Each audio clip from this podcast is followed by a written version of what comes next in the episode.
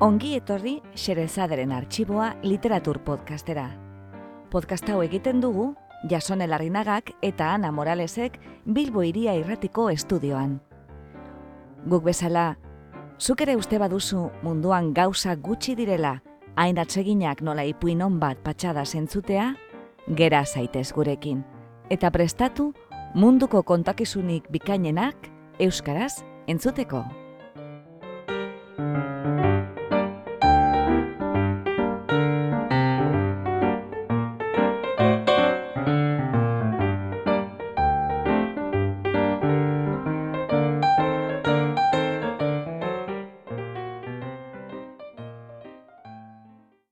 Gaur, Xerezaderen arxiboan, Pampina etxea. Egilea, Catherine Mansfield. Itzultzailea, Inigo Roque. Honela dio, Inigo Roque itzultzaileak, atal honetarako prestatu digun sarrerak.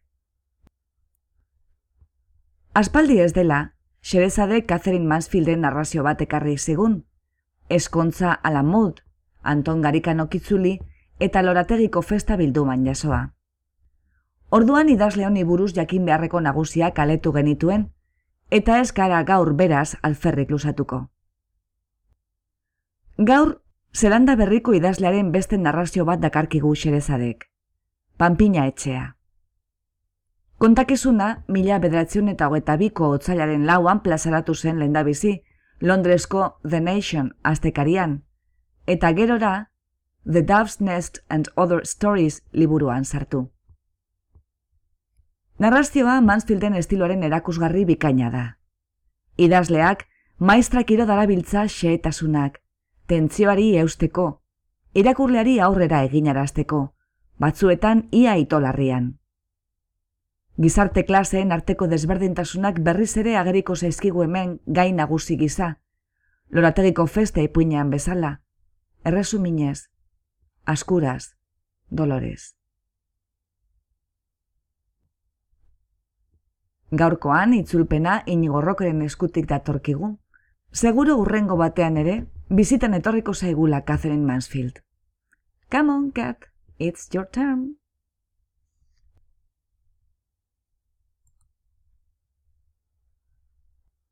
Pampina etxea.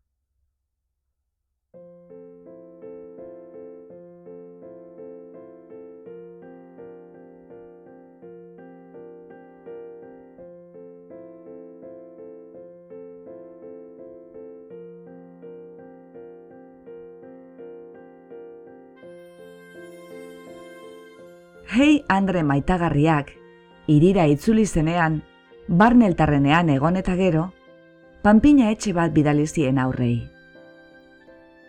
Hain zen esan dia, gurdizainak eta patek lorategira eraman eta han utzi zuten, egurrezko bikutsaren gainean tente, lastategiaren ondoan. Etzen kalterako izango. Uda zen, eta behar bada pintura usaina joango zitzaion etxe barrura sartzerako. Izan ere, egiaz, pintura usaina zerion panbina etxeari. Hei Andrea begitzua, jakina, maitagarriena eta eskuzabalena. Baina pintura usaina aski zen edo nor sorabia azteko, ize bat berilen iritzian. Baita sakua kendu aurretik ere. Eta estalia kendu ondoren, han zegoen panpina etxea. Zia zerba berde ilun oliotzua, beilegiz nabarmendua. Bitsi mina txiki sendoak, telatuan kolaturik, zuri gorriz margoturik zeuden. Eta ateak, berniz horiz diztirant, tofe txiki baten antza zuen. Lau leioak, egiazko leioak, horritan banaturik zeuden arrasto berde zabalekin. Bazen oro bat, portxe xume bat, horiz pintatua, pintura gatzatuko pinportak zintzilik zituena ertzosoan barrena. Ezin ederragoa zen ordea, etxe txiki ezin ederrago ura. Nori asolako zitzaion usaina. Pozaren parte zen ura, berritasunaren parte. Baten batek zabaldu dezala, harin? Alboko kakoa ez du lotuta zegoen, batek labanarekin indarre egina zabaldu zuen. Eta etxearen aurrealde osoa askatu zen. Eta ara, briu brau, antzeuden biztan sala eta jangela, sukaldea eta bilogelak. Hori da hori etxe bat zabaltzeko modua. Zergatik ez dira etxe guztiak ala zabalduko. Ez alda hori kitzikagarriagoa, ateko zarrailatik kapelak esekitzeko bat eta bi aterki dituen atondo txiki soil batean kirik egitea baino. Ezta?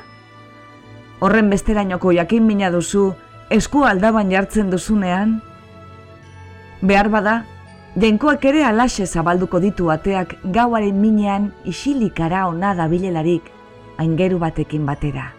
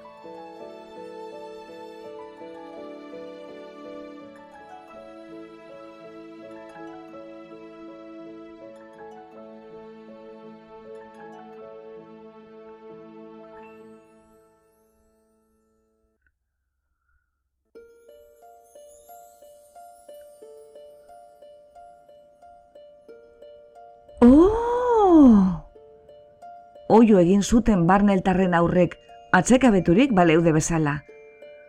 Zoragarri egia zen, gehi egi zen haientzat. Halako gauzarik sekula ikusi gabeak ziren. Gela guztiak paperez estalita zeuden. Hormetan, erretatuak zeuden, paperean margoturik eta aurrezko marko singuraturik. Tapiz gorri batek estaltzen zuen zor guztia, sukaldean izan ezik. Baziren aurki gorri dotoreak salan eta berdeak jangelan. Maiak, zinezko estalkiz jantzitako oeak, zehazka bat, zutegi bat, araza bat, non plater niminoak eta pitxeran bat baitzeuden. Hala ere, keziaren gauzarik gogokuena, kutxunena, lanpara zen. Jangelako maiaren erdi-erdian zegoen, eta hanbaresko lanpara txiki fin bat zen, bombila zuri bat zuena. Argi egiteko bezala zegoen beterik, naiz, jakina, ezin zen piztu. Baseukan ahatik, olio moduko zerbait barruan, astinduz gero, mugitu egiten zena. Pampina itamak, zeinak zurrunet zanda baitzeuden salan zorabiatu antzean, eta bi aur txikiak goiko solairoan lo, handiegiak ziren panpina etxerako. Ez zuen ematen hangoak zirenik. Lanpara ordea, ezin egokiagoa zen. Bazirudien, keziari irribarre egiten ziola. Hemen bizi naiz, esan ez. Lanpara erreala zen.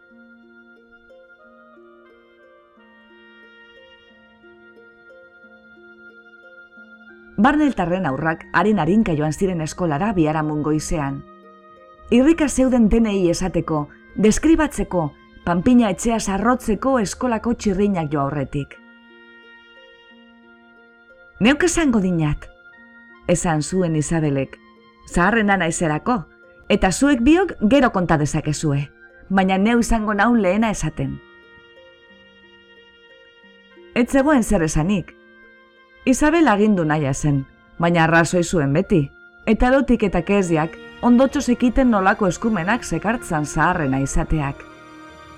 Errepidertzeko urreboto jugariak lastandu segitu zuten aurrera, ez ere gabe. Eta neuk aukeratuko dinat nor etorriko den lendabizi panpina etxea ikustera.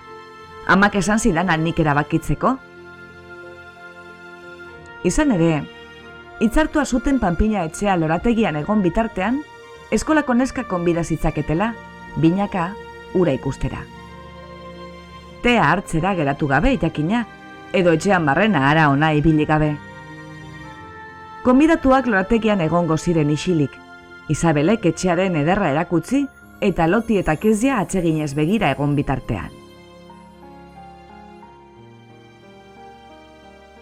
Ahalik eta saluen joanik ere, mutilen jolastokiko ez ibrastatura iristerako, kanpaia jotzen hasi zen. Kapela erantzi eta hilaran jartzeko hastia izan zuten osta-osta, gelarako deia entzun aurretik. Ez hitzaien asola izan. Isabel eguerari gaina hartzen saiatu zen, arro eta misteriotzu itxurak eginez, eta ondoko neskei, jolast orduan zerbait esan behar dinat, haopeka esanez. Jolas ordua iritsi zenean, Isabel inguratuta zegoen. Gelako neskakia borrokan ari ziren ari besoarekin sorbalda inguratzeko, arekin urruntzeko, ari lausengari irribarre egiteko, haren lagun min izateko. Talde handizko bat batu zen pinu erraldoien azpian, jolastokiaren egal batean. Ukondoka, batera irrika, neskatilak bil-bil eginda zeuden. Eta biribiletik bazter zeuden bakarrak, beti bazterrean egoten zirenak ziren. Kelbitar txikiak. Ondo ikasia zuten, barne eltarren gana ez urreratzen.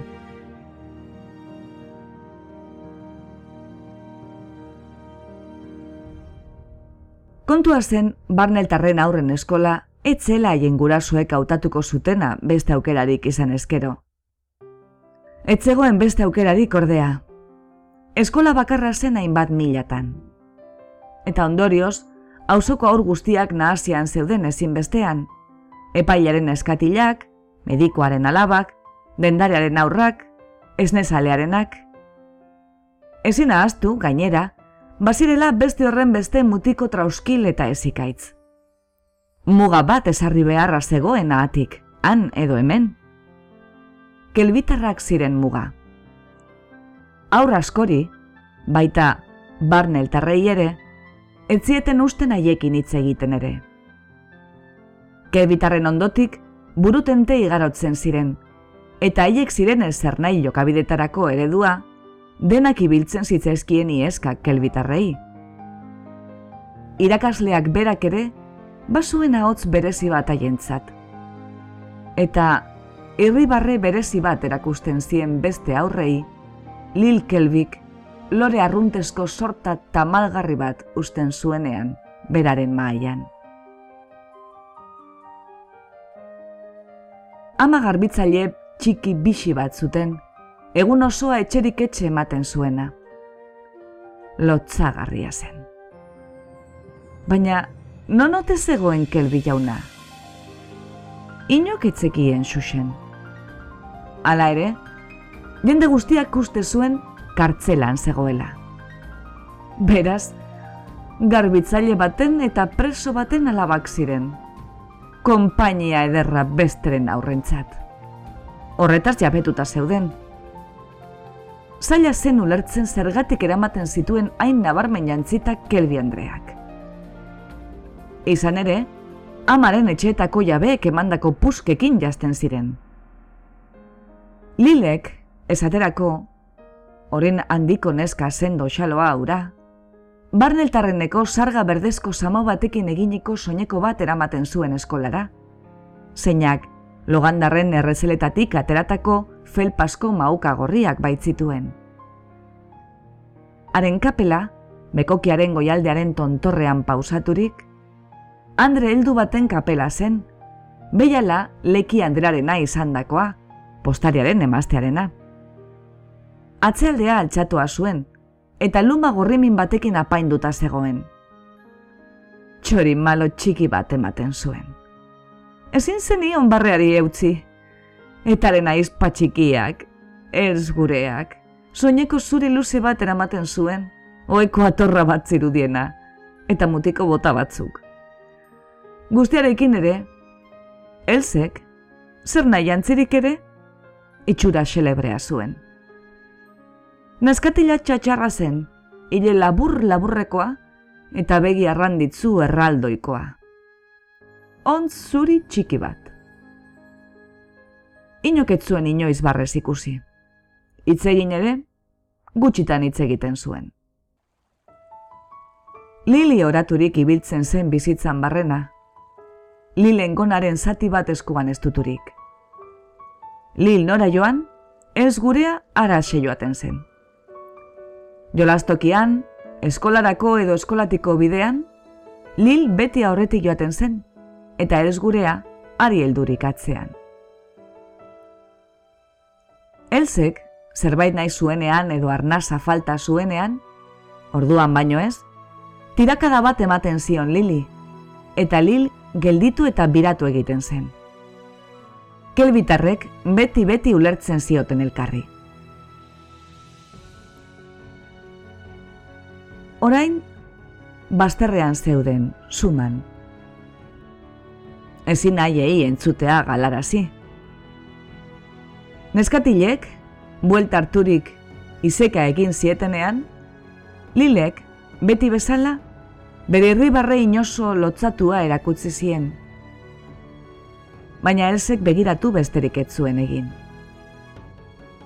Eta Isabelek, arropusturik, segitu zuen kontari. Tapizak zirrara handia eragin zuen, baina baita benetako estalkiak zituzten oek ere, eta zutegiak ere bai, zeinak labe ate bat baitzeukan. Arka maitutakoan, kezia hasi zen erazian. Aztu duzu lanpara ipatzea, Isabel.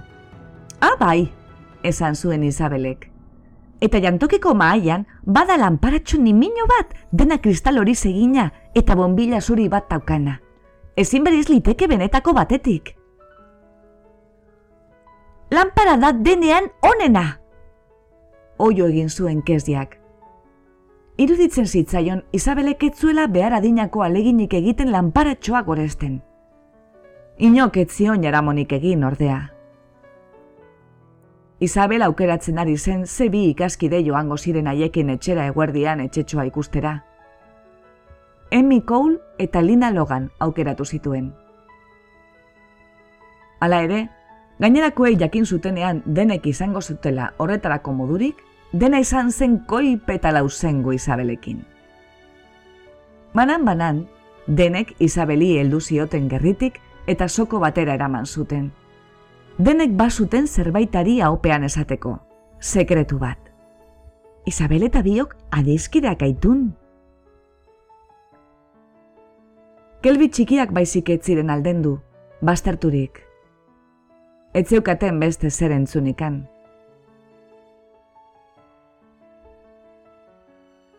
Eguna joan, eguna etorri, gero eta aur gehiaguk ikusia zuen panpin etxea, eta haren ospea zabaldu egin zen.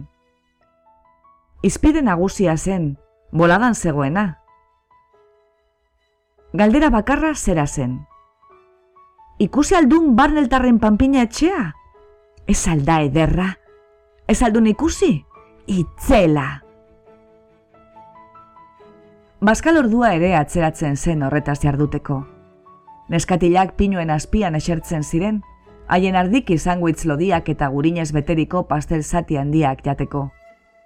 Alakoetan, kelbitarrak alik eta hurbilen esertzen ziren. Ez liliri oraturik zegoela, biak adi bere mermelada sandwichak murtsikatu bitartean, tanta gorri lodiz beteriko egunkari horri batetik atera eta gero.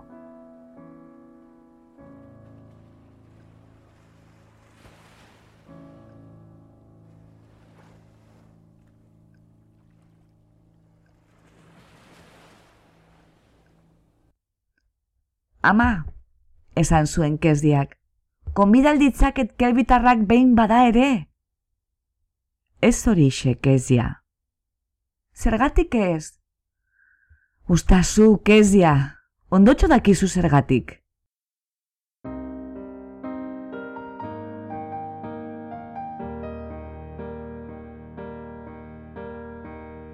Azkenean denek ikusia zuten haiek izan ezik.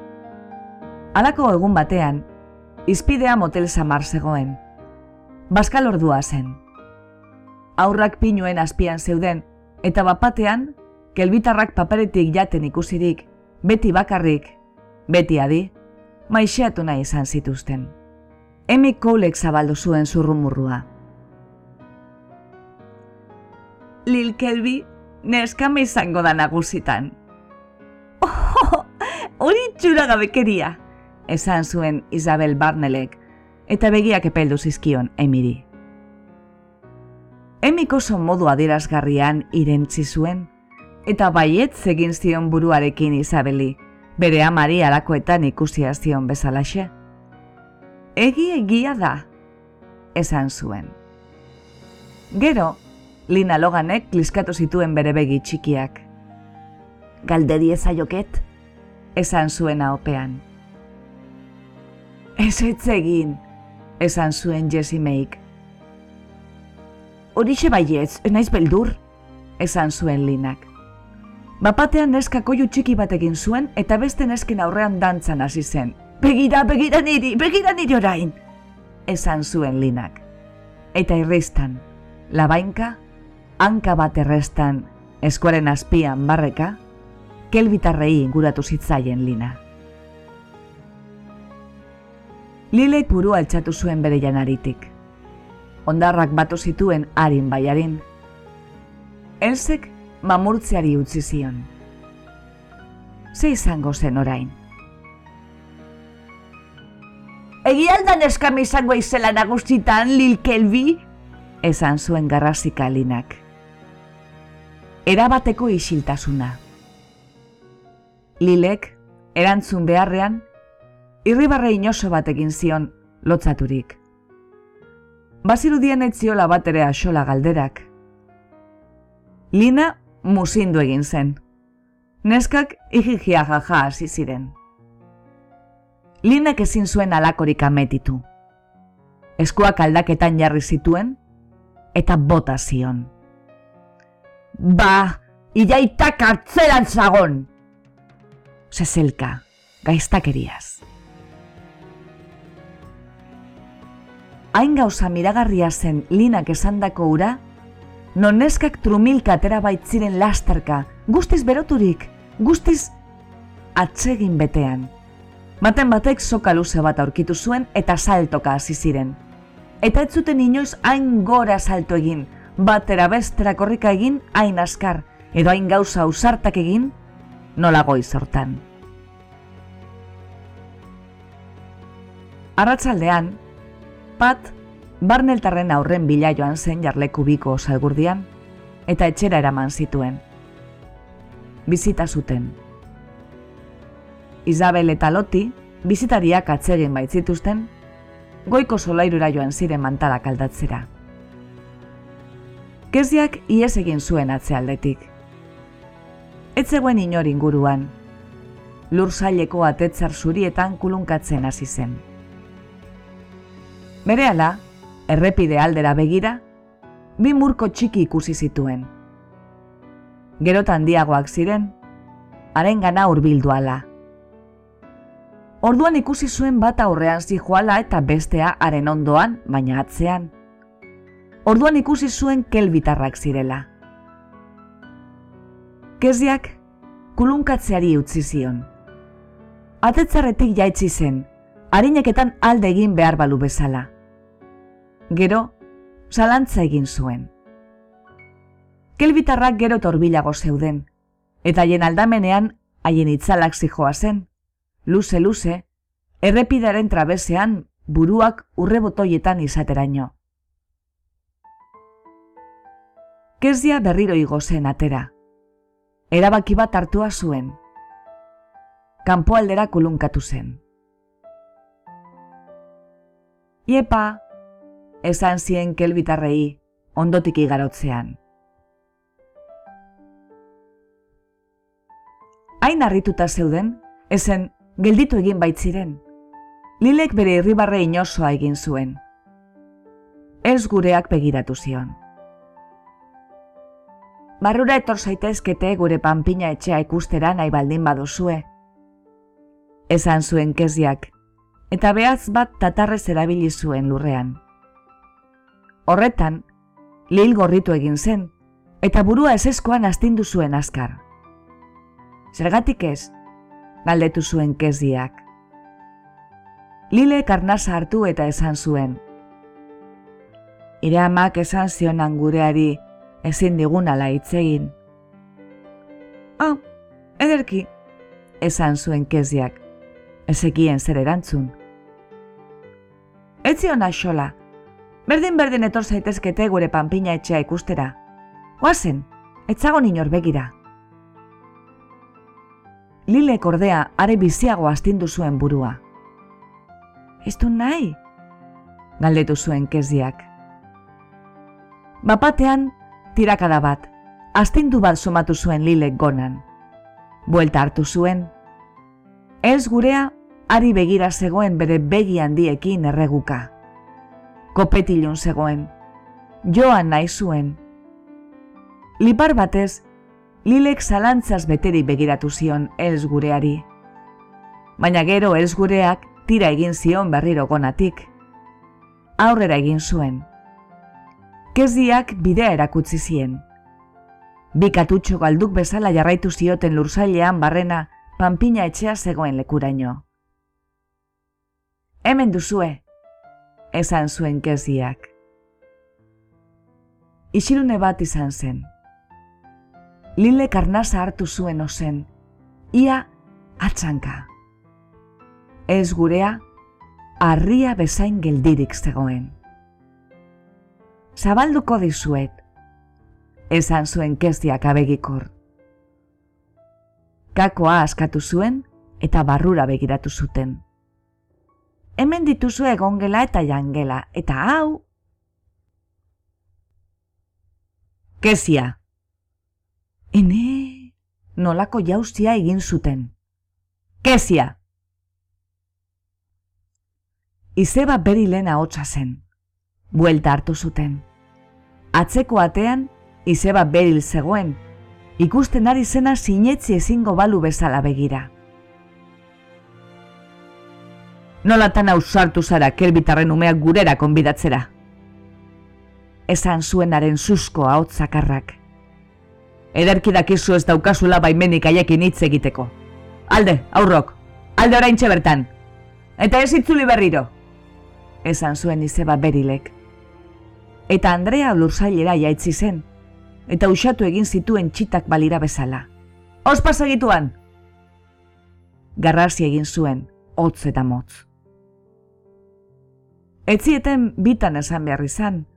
Lotzaz gorriturik, uskurturik, lilek, ama bezala konkorturik eta elz gureak durduzaturik, lurzail zabala zeharkatu zuten nola edo ala eta sarrerako ate zuritik irten ziren.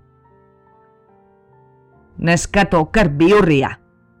Esan zion izeba berilek mingostasun ezkeziari eta danba itxi zuen panpinetxea. Arratzaldea ezin latzagoa izan zen arentzat. Willy Brenten gutun bat iritzia zen, mehatxuzko gutun beldurgarri bat, esaten ziona arratzartan berarekin ekartu ezinik pundan busen, beraren etxe aurrera gertuko zela zergatik galdetzera. Baina orain, kilbitarren bisagu txikiok ikaratu eta keziari gogo zerri eta egin ondoren, harinago zuen bihotza. Ez dutasun mingarria joan zen. Kantuka itzuli zen etxera.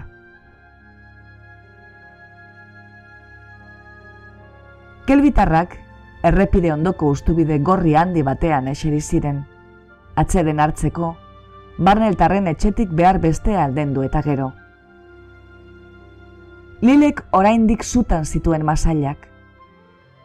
Kapela lumaduna erantzi zuen eta belaunean utzi. Ametsetan bezala, belardietatik arago begiratu zuten. Errekastoa zara indi, akazia batzuetarantz, non loganen behiak jeitzi zain baitzeuden. Zer zera bilten buruan? Bapatean, ez gurea aizparen ondora horbildu zen. Ordurako ahaztua zuen Andrearen sumina. Atzamar bat atera, eta aizparen luma ferekatu zuen. Bere irribarre xelebrearekin egin zuen barre. Lampara txikia ikusi dinat, esan zuen, emaro. Gero, isildu egin ziren berriro.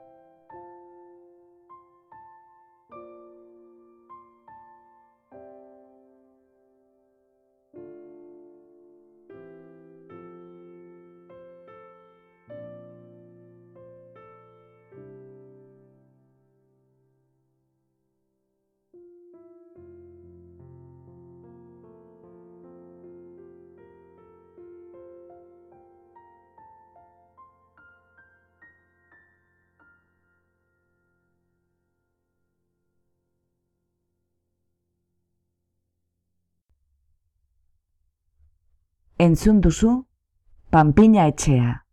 Egilea, Catherine Mansfield. Itzultzailea, Inigo Roque.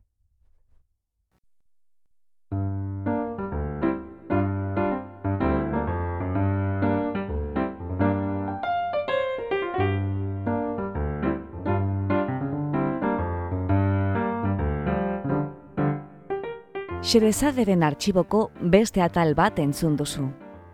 Gure doinoa da Charleston Behind the Attic Door, Dance of the Wind taldearena. Besterik adierazi ezean, gure musikak jamendo.cometik hartuak dira, eta soinu efektuak berriz freesound.cometik ateratakoak. Podcast hau egiten dugu Jason Elarinagak eta Ana Moralesek Bilbo Iria Irratiko estudioan.